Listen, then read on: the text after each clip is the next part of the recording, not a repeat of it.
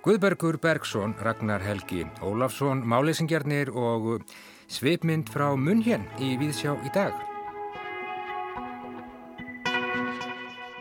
Fernando Pessoa frá Portugal var eitthvert merkasta og sérstæðasta ljóðskáld 20. aldar. Hann var ljóðskáld, gaggrinandi, heimsbyggingur og þýðandi en lengi vel vissum henni ekki hvernig átti að taka orðum hans hver mælti hverju sinni því hann skrifaði ekki alltaf undir eigin nafni öðru nær. Pessoa skapaði í huga sér fjölmörg ólík skáld og orti fyrir munn þeirra. Hann fættist í Lissabon á degi heilags Antoniusar 13. júni árið 1888 Orti linnulaust án þess að koma skipulagi á höfundarverkið og kom ljóðunum fyrir í kistli sem að geymir um það vil 27.000 blaðsýður en fátt af ef nokkuð af þessu kom út fyrir en eftir setni heimstyrjöldina. Pessoa andaðist árið 1935. Guðbergur Bergson hefur nú sendt frá sér bók sem að nefnist Skáldið er eitt skrýpatól um æfi og skáldskap Fernando Pessoa. Bókin hefur að geima þýðingar á fjölmörgum kvæðum eftir áður nefnd skáld Auk þess sem Guðbergur skrifar ítarlega rítgerðum, æfi og skálskap Pessoa, gerir grein fyrir uppvexti hans og helstu áhrifavöldum og skýrir þann bakgrunn, ekki síst umrótið og ringulreiðina í Portugal í upphafi 20. aldar sem mótaði þetta merkilega skáld á sínum tíma. Við heimsækjum Guðberg í prent þjónustu fyrirtæki upp á Bílsöfða í Víðsjá í dag og heyrum meira. Gauti Kristmansson, bókmyndagagrinandi viðsjórn, hann fjallar í dag um skáldsöguna Málleysingjana en eh, hér er á ferð fyrsta skáldsaga höfundar sem heitir Petro Gunnlaugur Garcia, saga sem fjallar um ungt fólk í floknum og fjandsamlegum heimi. Bók vikunar hér á ráseitt að þessu sinni er bókasapn Föður míns eftir Ragnar Helga Ólafsson, bók sem kom út í fyrra og var tilnæmt til íslensku bókmyndavelunanna hlustendur heyra í Ragnari í Víðsjá í dag. Og við bjóðum líka upp á sendingu sunnan frá Munhjen í Þískalandi þar sem fræg árás á sköpunarfrelsi listamanna verður revjuð upp Hún átti sér stað árið 1937 meira um það þér á eftir. En við byrjum í dag á bókmentagaggríni, ekki veitir afslík er útgáfan þetta árið sumir tala um met ár. Gauti Kristmásson, hann hefur verið að lesa nýja skáldsögu sem að heitir Málleysingjörnir. Þetta er fyrsta skáltsaga höfundar sem að heitir Petro Gunnlaugur Garcia. Takmarkanir og takmarkaleysi tungumálsins er viðfóngsefni þessara bókar og reyna miklu fleira, staða kynjana og samskipti manna og dýra, muslímahattur og málfrelsi, dauðin, tilverin og tölvöld, það sem tröllin hafa kannski mest að segja og þar fram eftir göttunum. Einmannaleikin og íll meðferð barna kemur einni við sögu. Þetta er mikil sag og stór, spannar í þremur hlutum lífhóls í Rúmeníu og Íslandi í aldarlokk alveg fram á þennan dag. Þetta er skáldsaga sem nýtir sér töfraraunsægi og surrealisma, auk hefbundins raunsægis og er hún skrifið í þriði personu alviturs höfundar sem einni hefur skoðanir og ymsi í samfélaginu í sambandi við þeim málefni er ofan greinir. Upphaf sögunar er mjög sérstakt. Sögusviðið Rúmenía rétt eftir fall kommunismans og ein af söguhetjunum Oktav er nýsloppin úr pólitískri fangavist. Við sjáum hann hverfa ofan í hólu og enn í nýjan heim sem myndi með á lísi undralandi ekki síst það sem sagan á eftir að hverfast um tungumálið og talandi förðuverur. En sögumæður bendir síðar á aðra samsvarandi fígúru sem líka fyrir ofin í hólur milli heima, en það er píparinn Mario í samnemndu leik sem ég hef ekki orðið svo frægur að leika sjálfur. En eftir að Oktaf er komin inn í förðu heim fræða og vísinda, sem snúmostum að láta dýrin tala og geta svara þeim, hefst laung og flókin atbyrðarás sem fer með okkur á milli margra heima, kannski aðeins eins og í tölvuleik, en þó alveg á forsendum skáltsögunar. Eitt mikilvægt þema í sögunni, eða sögunum mætti kannski alveg segja, er samband barna og foreldra, vannræksla og viðskilnaður. Það verður að segjast að í þessari sögu fá börnin, eins og raunar flestir, hrigalega útreið. Höfundur lætur lesendum litla von eftir þegar hver atbyrðin rekur annan þar sem sögu heitur standa verð og verð og það er á köplum meladromatíst hvernig hörmungarna hlaðast upp og það á við um alla þrjá hluta bókarinnar. en það er kannski hrigalegast í Rúmeníu hlutanum. Míhæl Littli, svonur söguhetjunar, fyrir gegnum öll þrep, eimdar og ömurleika tilveru bass. Hann er yfirgefin af föðu sínum, móðurinn slasast illa í bílslissi og hann þarf að búa hjá ömmu sín og stjúpafa þanga til hann stríkur og lifur á göttunni með öðrum slíkum börnum. Hann reynir svo að nálgast föðu sín undir lokin með hrigalegum afleiðingum. Annar hlutin gerir svo Íslandi með öðrum personum og lengi vel var eins og hér væri komin önnur skáltsaga um tvö Íslands sískinni sem eins og mörg önnur börn í sögunni eru með einhver þroskafrávik, líkamleg eða andleg. En höfundur fléttar þessa hluta saman í söguþræði sem er á stundum nokkuð ólíkindalegur. Ég tókst á við að fresta vantrúminna á köplum, en það er svo mikið lífi frásögninni og hraði að það tókst alveg með ágætum. Það er skemmtilega kaltæðin þráður í öðrum hluta sem byrstist í starfsemi þeirri sem einn söguhetja mörgur þáttakandi í og er það engar ekkin sjúkrastofnun sem annars líknar dráp út frá upplifun. Varan sem er til sölu fyrir döðvana fólk kallast upplifunar hönnun. Ég veit ekki ekki mér í dætt í hug lofstar andra snæs og reyna fleiri bækur þar sem það verist verið eftirsoknavert að deyja eða vera grafin á Íslandi. Það er svona eins og Ísland sé góður staður til að deyja á. Það voru að segjast að einmitt þessi þáttur reyndi ekkert á frestun vantrúa minnar sem er í sjálfu sér hrollveikjandi og því mikilvægt að það sé tekið fyrir í skáltsugu. En þetta eilífa siðferðis vandamál um hvort fólk megi ráða döðdaga sínum leysir kapitalismin með bravúr og lögjafin gerir bara eins og hann við sagt en er þetta andfinu skapandi yðja. Þriði hlutin flétta síðan saman þann fyrsta og annan og er með snúningi í lokin sem kemur vel á óvart og undirstrykkar hann líka mörg þeirra þemu sem undir eru. Þessi hluti færi þannig saman hinn á ólíku söguheima sem á undan komu og eru þar æði miklar tilvílanir á ferðinni og jáfnvel frásagnastrengir sem ég er ekki alveg vissum að hefði verið alveg nöðsynleir því þeir bæta ekki miklu við. Sem dæmi má nefna bílferð finns með mennin út í eina hóluna enn en hún leiði þá ekki inn í nett nýjan heim nema síður sé. Í þessum hluta eins og hennu fyrri hefði mátt strekja vírin aðeins meira. Það er nóg undir fyrir. En hugsanlega er það líka stílbrað að augra naumhyggju með yfirflæði og miklum gauragangi eins og mér yngri kynnslóðir þekkja kannski úr tölvuleikum og ofurhetjumyndum.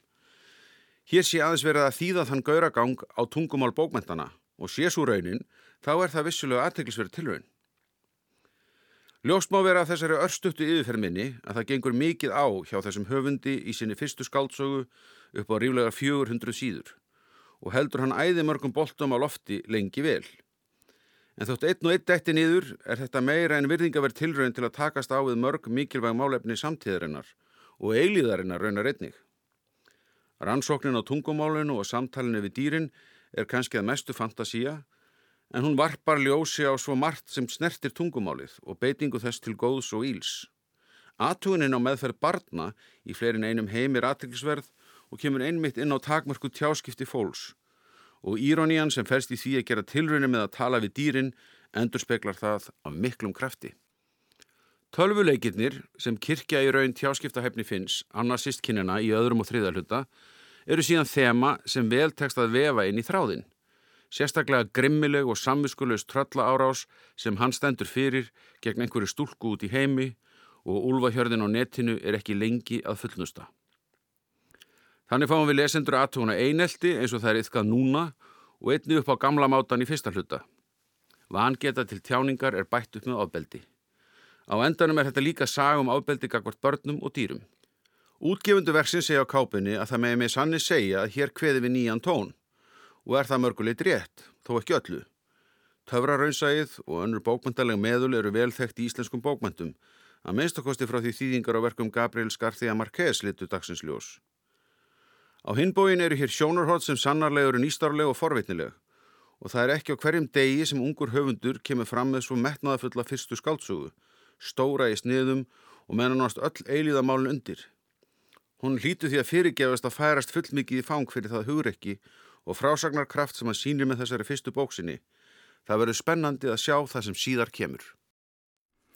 Já, þetta hafði Gauti Kristmannsson að segja um nýja skálsugum. Málensingjana eftir Petru Gunnlaug Garcia, fyrsta bók höfundar og já, hún fær grænt ljósi á Gauta og ríflega það. Ekki á hverjum degi sem uh, ungur höfundur kemur fram með svo metnar fulla fyrstu skálsug, sagði Gauti. En uh, eins og glöggir hlustendur hafa líklega tekið eftir þá er Guðni Tómasson ekki statur hér í hljóðstofum aldrei slíku vant og um, það er ástæða fyrir því. Guðni er í þessum töluðum orðum statur í Munhjen í Þískalandi til að fylgjast með tónleikaferðalagi Sinfoníu hljómsveitar Íslands um Þískaland og Östurríki. Hljómsveitin stödd já í Munhjen nú en fer í framhaldinu til Salzburg í Östurríki og loks til Berlínar. Guðni mun miðla ferðalaginu af sinni alkunnu snildi miðlum rúf áður en langt um líður og hann er jafnframt með myndum þetta ferðalag í vinslu á samt Helga Jóhannesinni, mynd sem að áhorfendur munu fá að njóta á nýju ári. Guðni Tómasson, hann á erfitt með að vera kyrr, hann brá sér í hjólatúrum leið og hann kom til borgarinnar Munhjen í gær. Og namstaðar hjá frægu húsi, þetta hús kveikti hugleðingar, við skulum bregða okkur til Munhjen. Við söðurönda enska garðsins í Munhjen eftir friðsalan hjólatúr er komið að húsi sem á sér merkilega sög. Það heitir Háster Kunst, einfallega hús listarinnar. Hér er í dag listamiðstöð, það er búið upp á myndlist, videólist og ímislegt í þessu húsi sem að þó er nú við þessa fjölförnu umferðagötu sem hér er nokkuð sjúskað orðið.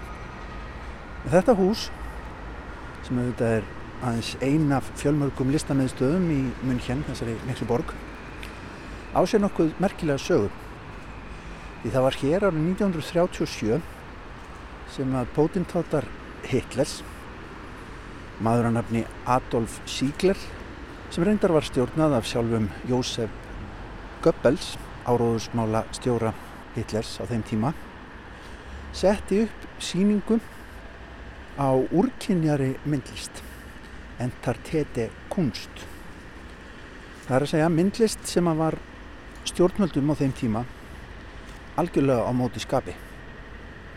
Það voru 650 verk af þessari síningu þau áttu 112 listamenn.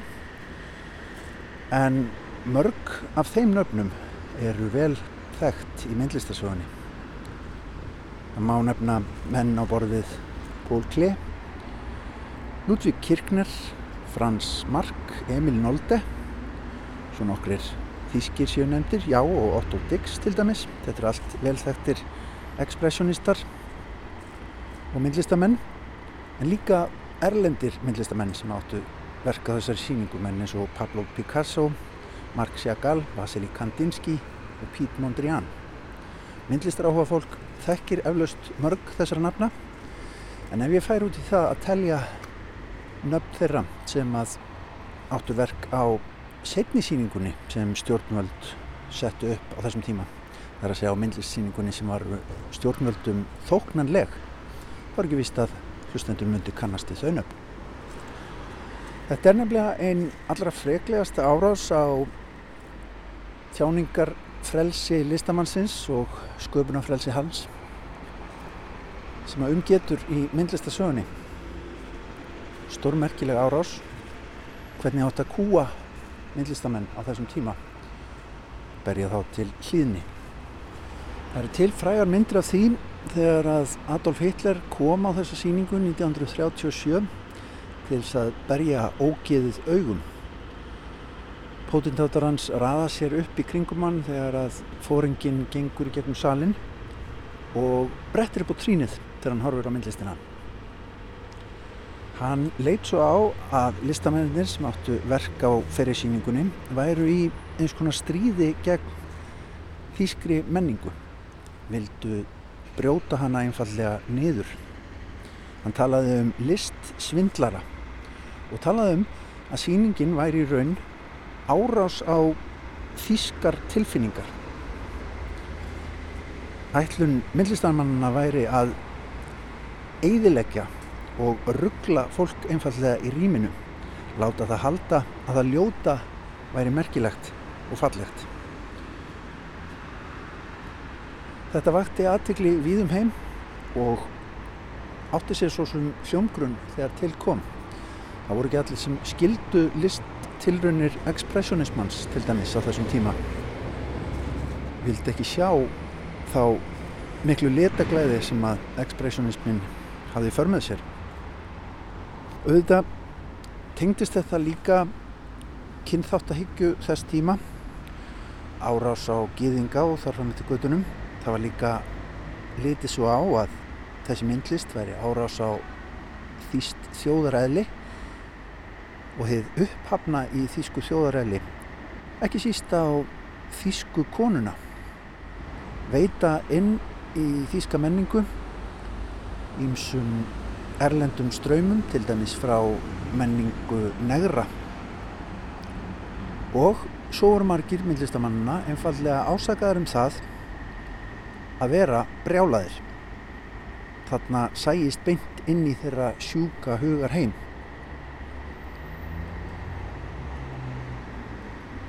Sýningin var hluti af gríðarlegu uppsópi ef svo má segja í þýskum söpnum sem fór fram mánuðin á undan verk út um all land voru einfallega gerð upp og flutt á þessa síningu listamönnunum til háðungar. Einn stóra þýska listsýning kom síðan í framhaldinu sem átti að vera hrein og var svo list sem að stjórnvöld á þeim tíma vildu íta undir. Í þessu húsi í dag, Haus der Kunst, listhúsinu, er í dag stopnun sem að sapnar ekki verkum heldur setur upp síningar sem að koma hér annar staðar frá. Byggingin var byggð á árunum 1933 til 37 arkitekt hennar hétt Pól Ludvig Trost byggingin var í rauninni einn fyrsta stórbygging nazismans byggingarlistarinnar sem að stjórnvöld í Þýskalandi nazismans aðhyldust. Í lokstriðsins setni heimstýraldar tóku bandarisk stjórnvöld þessa byggingu yfir. Hér var ofisera klúpur í rauninni í hersetinni München. En það er aldrei sérstatt að koma hérna í dag eftir rólindis hjólatúr í ennskagarðinum og horfa á þessa byggingu sem að á sér alla þessa miklu sögu. Framan á henni eru gríðar miklar súlur sem raða sér upp. Það ætlum sé ekki einir 150 metrar eða svo á breytt af framann. Hún er sótug og skítug en hér hanga upp í plaggött með nýjustu síningum sem að hér eru fyrir innan en það er jáfnframt skrítið að hugsa til þess að hér fór fram þessi fræga árás á frelsi listamanna árið 1937 Já, takk fyrir þetta nýjastu tíðindi frá Munhén. Gunni Tómasson statur við eh, hús listarinnar Háster Kunst í Munhén þar sem já framfór fræk árás á frelsi listamanna árið 1937. Gunni í einhvers konar pílagrímsferð á sögurslóðum en já framt á ferðalagi með Sinfoníu hljómsveit Íslands sem heldur tónleika í Þískalandi og í Östuríki þessa dagana Gunni Mun eins og áður segir segja nánar frá þessu ferðalagi í miðlum rúf á næstu dögum. En Bók vikunar hér á ráseitt að þessu sinni er bókasapn Föður míns eftir Ragnar Helga Ólafsson, bók sem að koma út í fyrra og var tilnæmt til Íslensku bókmæntavelun Anna. Að föður sínum látnum þarf Ragnar Helgi að fara í gegnum svo sem eins og fjögur þúsund titla í bókasafni föðusins og finna þeim stað á 20. öldinni. Þóttan einseti sér í upphafi að opna ekki bækurnar og alls ekki fara að grúska, þá fær hann ekki við það ráðið.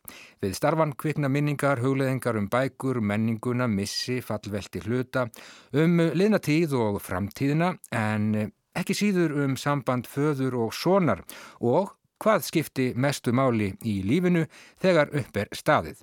Ragnar Helgi var gestur Jórunar Sigurdardóttur í þættinum orðum bækur í desember í fyrra. Við skulum grípa niður í samtal þeirra og heyra fyrst hvernig Ragnar lýsir þessari bóksinni og þeirri aðferðafræði sem hann beitti við skrifin. Já, ég, ég, ég get sagt að þetta er bók, þess, hún er svolítið sérstök eh, og það er líka svona triks sem að eða svona áminning sem að ég læriði í myndlist af 20. aldar myndlistamannum þeir sögðu sko ekki byrja að búa til nýtt listaverk uh, fyrir að þú búin að finna upp nýja tegund af listaverki og það var svona kannski uh, var svona svolítið það sem ég var að reyna að gera að finna uh, já ég var búin að finna þetta form sem er svolítið sérstakt hvernig þessi raða saman svolítið bútasömmur og ég hugsaði þetta svolítið eins og skú, skúldur frekar heldur en línu sko. ég hugsaði þetta eins og mm. ljóð og í þeim skilingi meina svo ljóð. Já, ég það skrifaði einhver staðar á spásíu þessi bók er langt ljóð. Já, ég, það, það, það er akkurat sko. Það er svona ein tilfinning og, og hlutin svona tengjast fram og tilbaka eins og í þrývíður rými frekar heldur en í línulegri frásögn. Mm og, og það var svona svolítið skref fyrir mig að bara ákveða að treysta lesandanum fyrir þessu. Eins og maður gerir þegar maður skrifa ljóð þá, þá, þá, það er mikill samningu við lesanda að skrifa ljóð. Og oft í prósanum þá hættir mann til að, að fara að vera meira hvað að segja, skilja minna pláss mm. eftir fyrir lesandan og ég var að reyna skipulega að skilja eftir eyður og skilja eftir mikið pláss fyrir, fyrir lesandana að raða saman þessum brotum. Ég upplifi ljóðulistina sem listina sem fjallar um það sem er ekki í ljóðinu það er alltaf fjárvera í mm. ljóði mm. og það var svona eitthvað sem ég vildi reyna að koma til skila í, í þessari bók og í þessu formi og þegar formið var komið þá var rosa skrítið, það var erfitt að finna formið en þegar það var komið þá bara vallum út þessu mm. bók það var, þó að það veri mörguleiti tilfinningaþrungið að þá var það í rauninni auðvelt og skemmtilegt mm. Þetta er mjög uh, fjölbreytileg uh, bók, þarna ægir mörgu saman, samt á mjög skipulega og afskaplega fallega uppsettan hátt eins og þín er von og vísa. Þarna er, er þínar eigin hugleðingar um margvíslega efni, bókasöfn, um bækur, um minningar, um föðurðin personlegar minningar. Þetta er mörguleiti mjög personleg bók án þess að, að verða nokkuð tíman tilfinningasöm eða eitthvað þvílinglíkt það var strax ljóst að þetta er það að vera svona. Nú er ég að tala um þetta personlega Nei, það var alls ekki ljóst og það var í rauninni svona það ferli sem ég þurfti að fara í gegnum við að skrifa bókina, ég rauninni að sætta mig við hvern, hvernig bók þetta þurfti að vera. Því fyrst ætlaði ég að skrifa bók sem að væri hvað getur við sagt uh, eins og fullorðin gáfuleg bók eftir, eftir hérna, fullorðin mann um stöðu bókarinnar, ég ætlaði bara að fjalla um það. Og því að það er svona hlutur sem að e, brennur á mér stað bókarinn og tungumálsins. En um, og svo var ég búin að skrifa einhverja hérna, einhvern vísi að þeirri bók og fór til Rómar eins og fýt maður og alltaf að klára hana. Og svo vaknaði ég bara fyrsta morgunin og, og horfi bara á bendilin blikka í klukkutíma og svo daginn eftir aftur í klukkutíma og þriða daginn aftur í klukkutíma. Þangar til að ég mér þegar ég var svona ég segi ekki komin á, ég var ekki barmi að eh, hérna, töga áfalls en ég var svona orðin svona og því ég mjög ekki vanur því að get ekki skrifað. Mm. Og ég, þannig ég fór að reyna að skilja akkur í þetta væri allt stopp. Og þá, þá talaði bókinn til mín og hún sagði, ég, þú veist ég get máli skrifað þessa bók en þú verður bara að lega mér að ráða hvernig hún er. Mm. og hún verður að fjalla líka um pappaðinn og, og hún verður að fjalla um þig. Já. Og, og ég var bara oh, er það góð hugmynd? Verður, verður, verður við að gera þetta svona? Er, ég veit ekki það er kannski ég allavega ólst upp í það það væri nú ekkert sérlega góð manna sér að tala mikið um sjálfan sig mm. og, og maður vildi ekki það sé bara svona já, akkur ættu fólk að áhuga því og, og svo er náttúrulega líka kannski Já, ég, mér langaði ekki að skrifa bók sem væri sentimentalísk, skilur, eða, eða mm. melodramatísk uh, þó að það séu þarna hlutir sem eru dramatískir undir niðri en, en ég, og þá kom svona ljóðlistin mér svolítið til bjargar. Áminningar ljóðlistarinnar um hvernig maður skrifar um stóra hluti mm. á þess að nota stóra orða endilega. Hugmyndin fyrst var að skrifa bókum bækur stöðu bókarinn og bó, bókasafni bókasafn föðumins, kemur inn í það og svo kynni ég mig ljósta bókin þetta hún fjallar kannski þarf að fjalla um pappa minn og okkar sambjöld. Og svo fatt að ég, nei á endanum þá fatt að ég að þessi bók fjallar um missi. Og fjallar um það hversu hversu hversu það er erfitt fyrir okkur að sleppa mm. á því sem okkur þykir vendum og hvað það er skrítið að dýrategund sem er búin að vera til í miljónir ára þetta erum við búin að þekkja frá því að fyrsta, ma fyrsti maðurinn dó er að sakna einhvers. Mm. og við erum búin að hafa gríðarlega langan tíma sem dýrategund til þess að þróa með okkur færni til að díla við þetta. Og það hefur alveg mistekist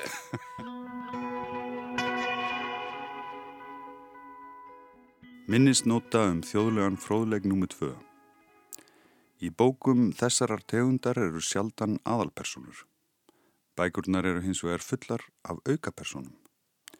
Hetjur eru að samaskapi fáséðar, repstjórum, prestum, mektarmannum bregður vissilega fyrir en það er næstum því regla að þeir eru fleiri og lengri kaplanir um ómerkilegt fólk, venjulegt sveitafólk, furðufugla, flakkara og auðmingja auðvitað.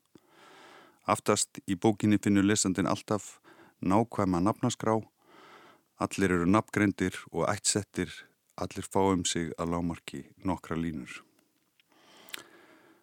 Gott kvöld, læknir. Báar aðstæður hér. Hvað er að, spyr læknirinn. Ma húsbóndin, ma hann er veikur, fársjúkur, vilt ekki líta á hann? Og Kaldalón skreppur inn til Sigurðar í norskubúð. Hérna liggur nú húsbóndin, sagði Sigurður og bendi. Það var kötturinn. Þessa saði mér Vigfús, svona sögur segja ekki nema Íslandingar. Svona sögur myndi enginn færi letur nema Íslandingar. Kanski eru þetta bestu sögurnar. Þessar sem eru eins og örvarskot út í loftið um tunglausa nótt. Líkurnar á að hitta eitthvað afar litlar. Í þokkabót er ekki víst að maður frétti af því ef svo færi á annað borð að skotfæriði fyndi sér mark því það er svo mikið myrkur. Stundum finnst mér að einu bækurnar sem verður að lesa og hvað þá verður að skrifa séu þær sem engin veit í raun um hvað eru niður til hvers eru. Þannig finnst mér þessar bækur vera sem eru fullar af þjóðlugum fróðleik. Bækur eða svo sem hvaða önnu listaverk þar sem bæði höfundur og lesandi vit upp á hár um hvað fjalla og hvað þær vilja segja þar sem þessi skýra hugmyndir síðan leitt fram skipulega markvist þær gera mig vennilega sifjaðan stundum jáfnvel þreytan. Já, við heyrðum hér Ragnar Helga Ólafsson lesa úr bóksinni Bókasafn Föður minns. Þar áður heyrðum við brot úr viðtali Jórunar Sigurdardóttur við Ragnar sem flutt var í þættinum orðum bækur fyrir tæpu ári. Bókasafn Föður minns bókvikunar hér á ráseitt að þessu sinni. Gestir auðar aðalsteinsdóttur á sunnudags morgunverða þau Sigríður Harðardóttir, reittstjóri og Guttormur Þorsteinsson bókavörður. En næst höldum við ágætu hlustendur beinustu leið til Portugals, við förum upp á Bíldshöfða og við förum til Lissabon.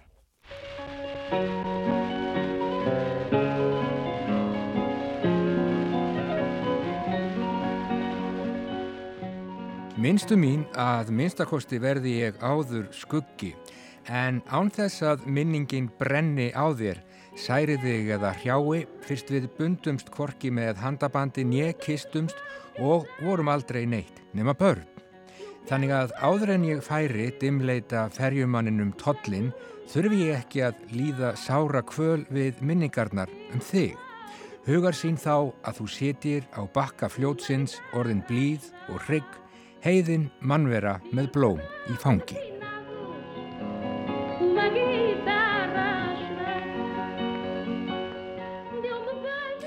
Fernando Pessoa frá Portugal var eitt hvert merkasta og sérstæðasta ljóðskáld 20. aldar.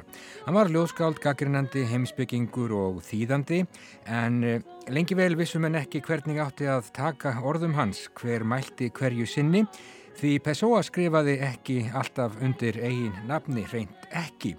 Pessoa skapaði í huga sér fjölmörg ólík skáld og hann orti fyrir munn þeirra. Hann fættist í Lissabon á degi heilags Antoniusar 13. júni árið 1888. Orti linnulaust án þess að koma skipulægi á höfundarverkið kom ljóðunum fyrir í kistli en fátt ef nokkuð af þessu kom út fyrir en eftir setni heimstyrjöldina Pessoa andaðist árið 1935. Þekktustu hugarheimaskáld Pessoa voru hjarðskáldið Alberto Cairo, hinn vitsmunalegi og nútímalegi Alvaro de Campos og hinn nýklassíski Ricardo Reis. Öll voru þessi hugarheims skáld algjörlega á heimsmæli hverða. Guðbergur Bergson hefur nú sendt frá sér bók sem nefnist Skáldið er eitt skrýpatól um æfi og skáldskap Fernando Pessoa. Bókin hefur að geima þýðingar á fjölmörgum hvæðum eftir áður nefnd skáld, auk þess sem að Guðbergur skrifar ítarlega réttgerðum æfi og skáldskap Pessoa, gerir grein fyrir uppvexti hans og helstu áhrifavöldum og skýrir þann bakgrunn Ekki síst umrótið og ringulreiðina í Portugal í upphafi 20. aldar sem mótaði þetta mjög svo merkilega skáld. Einnig má í bókinni finna íslenska þýðingu Guðbergs á leikritinu Sjómanninum eftir Pessoa og stuttar umfjallanir um skáld og sögulegar personur sem koma fyrir í rítgerð Guðbergs um Pessoa.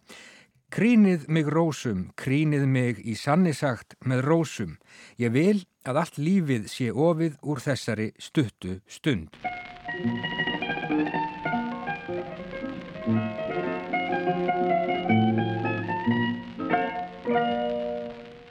Ég brá mér upp á Bíldsöfða í regningarsuttanum í gærinána tiltekið í húsakinni Prent þjónustunar Art Pro. Þar var Guðbergur Bergson við störf. Við tiltum okkur niður í bakherbergi og ég spurði hann einfaldlega fyrst hvernig hann hugsar þessa nýju bók. Já, ég hugsaði þannig að sjá heiminn ekki bara Portugal, heldur líka sko, portugalska sögu mm -hmm. í tengslu við þetta en þetta skáld sem vegna þess að hann ferðaðist um, fór frá einu landi í annað og hann var margtíndur, aðalega ennsku mælandi og, og portugalsku mælandi og svo lærða líka hjá móðusinni latínu og, og annað þýðinlíkt og í gegnum hann reyndi að sjá svona portugalska sögu, ekki bara það samtíma sem í byrjun aldarinnar heldur líka sko, langt aftur í tíma vegna þess að Portugalar voru þeir sem að uppgötuðu he heiminn í raun og veru Já. vegna þeir fóru um austur á bógin og heiminn var skipt í tvent millir Spánverja og, og Portugala og Portugala fengu austurluta heimsins en þeir voru ekki eins hefnir og, og spánverja vegna þessi rákust á menningar sem heildir bæði kínveska og indveska sem var miklu sterkar heldur en til dæmis í Söður Ameríku mm -hmm. og þetta gáttu þeir ekki ráði við þannig að, að sett upp nýlendur eins og spánverja gerðu en þeir söpnuðu að sér sko, kínverskri menningu og þeir voru fyrstu til að fara til Japans og, og hjálpuð við að samina Japan og, og svona ímislegt og ég reyna að koma þessu heilt inn, inn í þetta verk. Þannig að þú sér ekki bara verk þessa manns, þetta er líka það fyrðuverk sem að Portugal er og portugalsk menning. Já sem að var og er marg þætt, ekki síst út af öllum þessum syklingum. En þú, uh, sko, þegar Pessoa mætir til leiks, hann er fættur 1888 og þarna í kringum aldamóti 1900 þá er nú Portugal ekki kannski á hátindi síns ferils, það logar allt í, í, í flokkadráttum og, og óreiðu og þú setur þetta svolítið í samingi við Pessoa sjálfan sem að var, já, kannski óreiðu kendur höfundur og orti linnulaust ofan í einhvern kistil og og ég held að menn séu enþá að finna, finna hérna dýrgrippi í þessum kistli.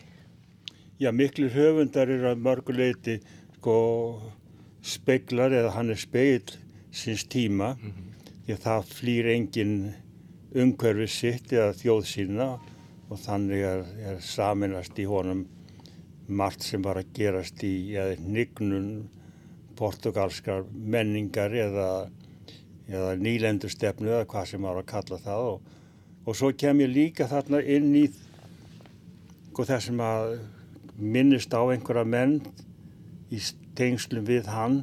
Og þá skrifa ég um höfundana eða, eða landkonnuna og annað þínlíkt sem er mjög fróðlegt býsti við fyrir þá sem ekki þekkja þetta og hér á landi þar sem portugalsk menning er algjörlega óþekkt, held ég.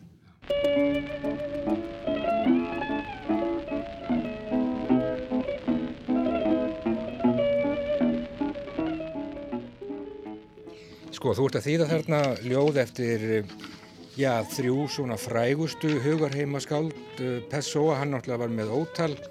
Ég veit ekki hvort maður á að segja dulnefni en allavega þá bjóðan til óteljandi karaktera sem hann orti í kringum og, og skrifaði fyrir, fyrir verkonum, ég held að séu 72 einhver, einhver taldi svo hátt en, en það eru þrýr þarna sem að standa upp úr. Það er uh, Alberto Cairo, Al Alvaro de Campos og Ricardo Reis.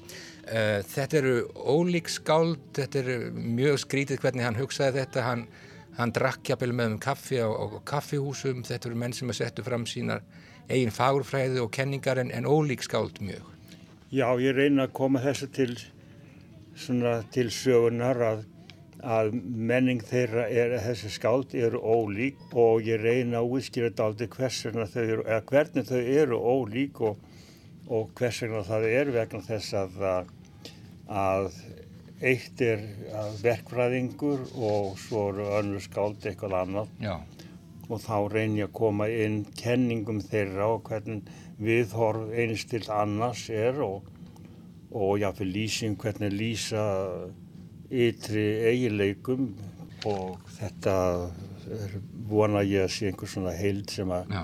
getur verið mjög gagleg fyrir þessa þjóð sem að er nú ekki mjög mikið fyrir svona útlenda menningu, þannig aðlega svona bresk eða bandarisk Já. menning og, og þannig að þetta... Já, sko það er þarna einhvers konar hjarðskáld, svo er þarna annarskáld sem er, hvað maður segja, vitsmunalegt og svona alþjóðlegt og svo er við með skáld Ricardo Reis sem er svona já, ný klassískur og byggir, á, byggir sitt á, á, á klassískum, grískum og, og rómverskum mentum. Já, þess vegna þarf að vera, er þetta með daldar svona skýringar í samband við hann vegna þess að sko, latnesk menning kemur aðalega fram hjá honum, mm -hmm.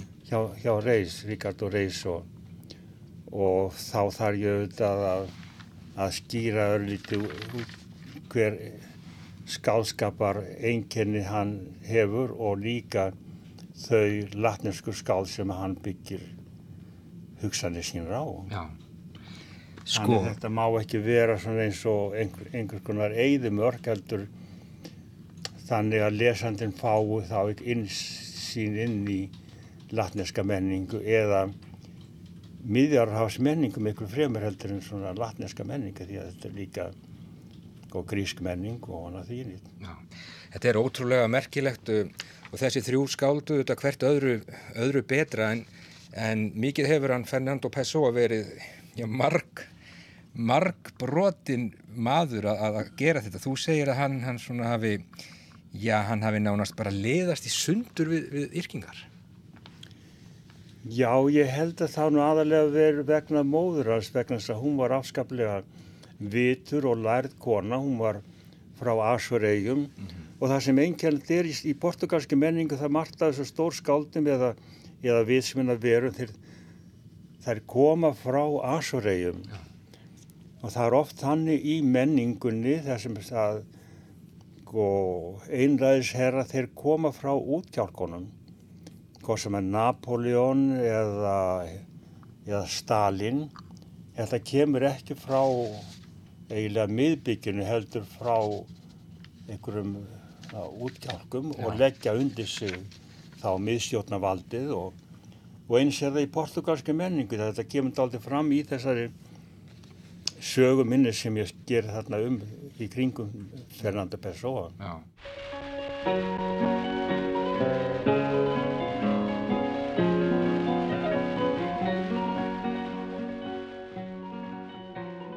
Sko, það kemur ekkert út af þessu meðan að Pessoa lifir nema kannski þarna mennsagem uh, bálkurinn uh, annars kemur þetta ekkert út fyrir en bara já, eftir, uh, eftir setna stríð. Já, og það er bara þetta þjóðniskenda sem að hann og hann sveiblast líka á hann er afturhaldsam, ég reyna að koma því inn hversun hann er afturhaldsam afturhaldsam vegna það kemur í gegnum lærdom hans í Suður Afríku. Þjóðurnisinni og konungsinni? Já, þjóðurnisinni og konungsinni og ég þetta aldrei að útskýra það hvernig sko, þessi hugsun er, þessi afturhans hugsun kemur frá Fraklandi og líka frá Breitlandi. Þannig ég vil ekki að þetta sé bara einhvers veginn svona eðimörk skilur vegna þess að lesandin sérstaklega hér á landi hann tekir ekki mjög vel inn á sko, þjóðernis higgju eins og franska þjóðernis higgju eða breska þjóðernis higgju og, og margir lesandi veit ekki það hvernig hvers vegna ennska var gerða þennu ofnbæra máli sem vilja þvingað upp á nýlendur breyta.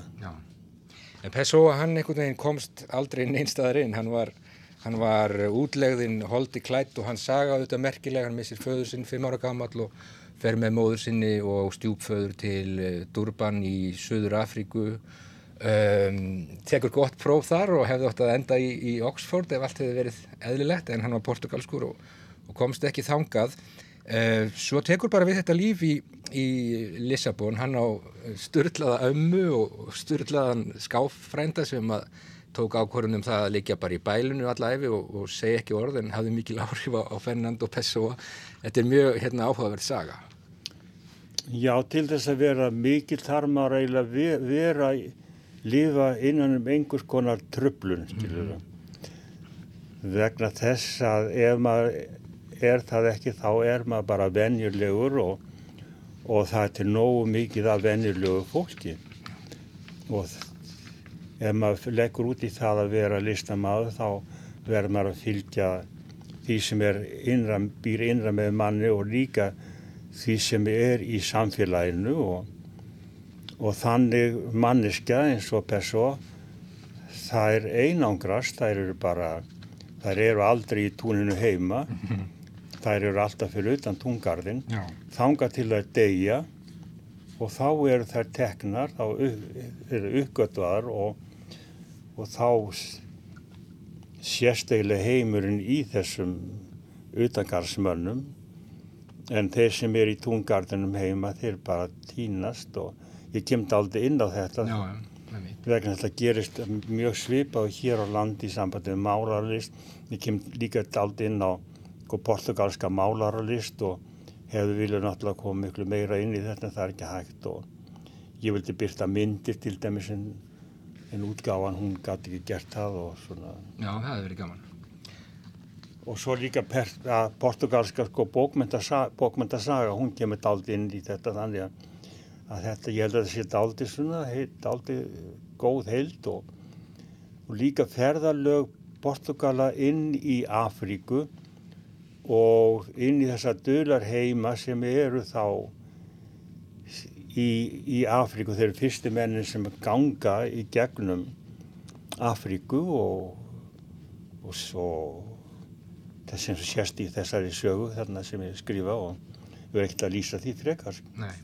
Og allt litar þetta portugalska menningu með, með einu með öðrum hætti en Pessoa hann fer bara að þýða uh, ennsk verslunarbref, fær vinnu við það, enda góður hraðreitari, útskrifaður úr, úr verslunarskóla. Hann, uh, já, hann tengir sig nú bara hreinlega við stórskáldið, stórskáld þeirra Portugala Camões frá 16.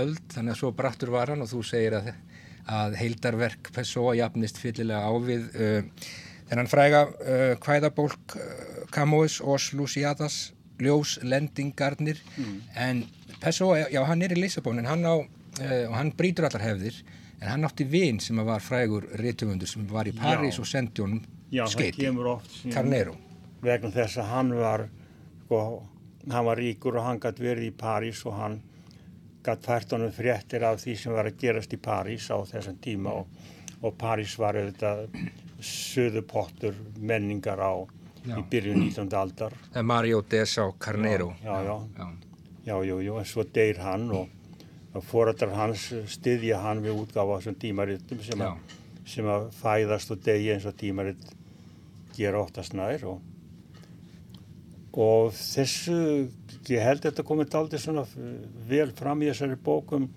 hvernig menning verður til eða, eða sérkennileg menning verður til og hún er þannig utan, utan það, það tekur enginn eftir henni fyrir en maðurinn er dáin og, mm -hmm. og þetta er ekki þýtt vegna þess að portugalsk menning er óþekkt ekki bara hér á land heldur líka í öðrum löndum og, og síðan brýst hann fram og, og talin eitt merkasti höfundur og, eða hugsuður Európu. Já, hreinlega. En það gemur ekki honum að neinu gagni vegna þess að maður er döðu þá. Ekki híðan af.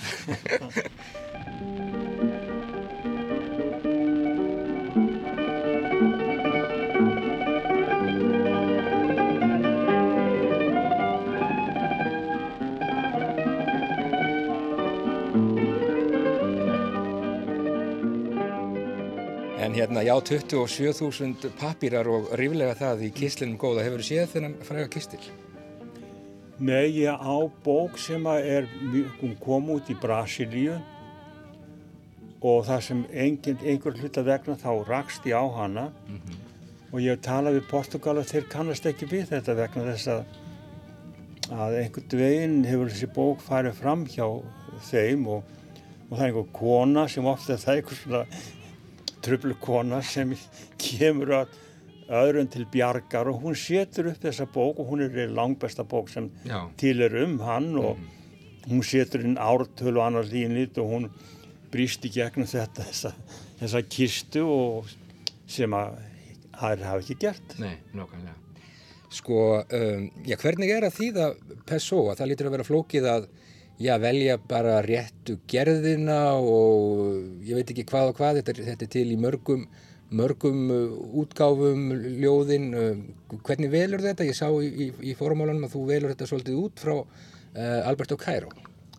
Já, vegna þess að ég kynist honum fyrst, vegna þess að ég kem til, til Lissabon, það verið 1958, þá rekst ég á bók eftir hann mm -hmm. og uh, Þannig hann stendur mér mjög nærri. Ég haf reynd að vita eitthvað pínlítið um hann áður en ég fór til Portugals en ég hafi ekki kynst honum að eða, eða, eða persón eða verkam hans að neinu ráði. Nei. Þú segir að Kairo sé svona, já það ljóð hans séu einhvers konar uh, undirstaða verka hinna skáldana. Já vegna þess að hann býr til hann býr til þetta hugarheim skáld og síðan verður hann fyrir áhrifum frá tilbúningi sínum. Þannig þetta er afskaplega markbrotið og er eiginlega ekki hægt að byggja þetta nefn að maður sé heilbriður á bilaðan hátt og það er þannig bilun er mjög góð í listum. Já. Ef maður er algjörlega heilbriður þá áma bara vera að vinna bara erfiðisvinnu. Já, og ég hef gert alltaf að unnið erfiðisvinnu, ég hef aldrei verið innanum sem sagt uh, veru og ég kann mjög vel við það að vera hér á gólfun eins og sagt Já, þú ert hérna á, á prentverstaðinu Art Pro upp á bílsöða Já, ég er hérna og svo þegar ég er á gólfinu, þegar ég búin, hef ekkert að gera á gólfinu þá fer ég inn í eldús og, og er að þýða þetta og þetta er miklu lit ja, að eh, einhver leiti unnið hér. Já, en þú þýðir á millið þess að þú prentar hvað jólakort. Já, vegna þess að þegar maður er á, á gólfinu þá getur maður hugsað mjög svona vel og vinna með höndunum og hendurnar eru fjærri huganum en enga síðu þá íta þær undir heila starfseminna. Já, nákvæmlega. Já. Og hér, við erum nú ekki bara tveir í þessu herbergi hérna inn af prentstofinni heldur er, það er köttur hérna undir sofanum, Guðbergur. Já, það er hún Angela Merkel vegna þess að ég á ekki þessa ketti, sá sem að stjórna þessu fyrirtæki, hann á ketti og annar kötturinn er Putin og hitt er Angela Merkel og þeim kemur ekki vel saman. Angela Merkel var mjög gömul en Putin er mjög frára fæti og sækir á Angelu sem er, döðrætt hérna undir, undir sofan já hún er en síðan ákvað hann Guðni sem ákvað til að flytja Angelu hinga þar sem hún getur verið sjálfstæð undir sofa ljómandi gott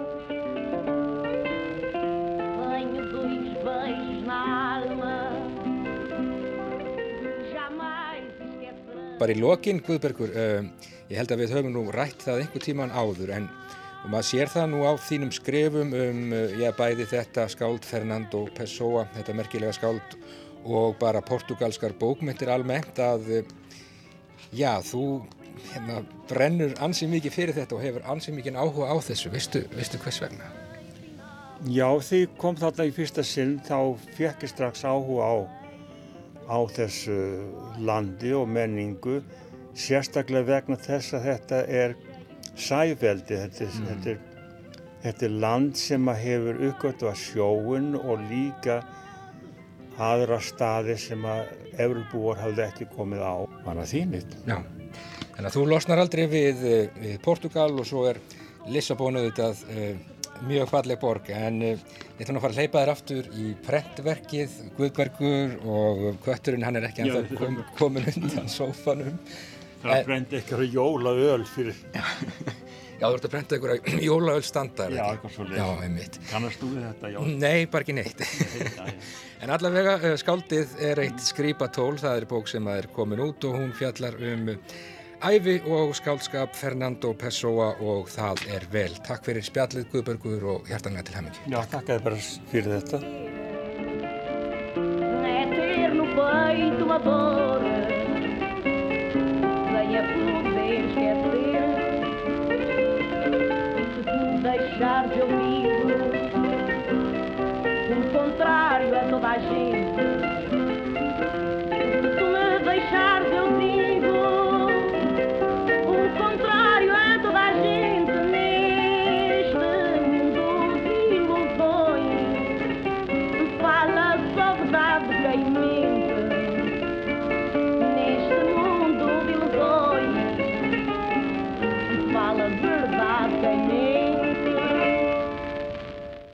Já, Guðbergur Bergsson, réttöfundur og prentari við yðju sína e, på bílsöfða í regningunni í gær. Guðbergur búin að gefa út þessa fínu bóku um eh, portugalska skáldið Fernando Pessoa. Skáldið er eitt skrýpatól heitir þessi bók og já, bylun er mjög góð í listum, heilbrigð bylun, sagði Guðbergur og kannski á það príðilega við í til felli Pessoa nákvæmlega. Mikill happa fengur þessi bók eldrauð og falleg. En eh, svona ætlum við að ljúka þessu í dag verðum hér aftur löst eftir klukkan fjögur á morgun. Takk fyrir samfélgina í dag. Verðið sæl.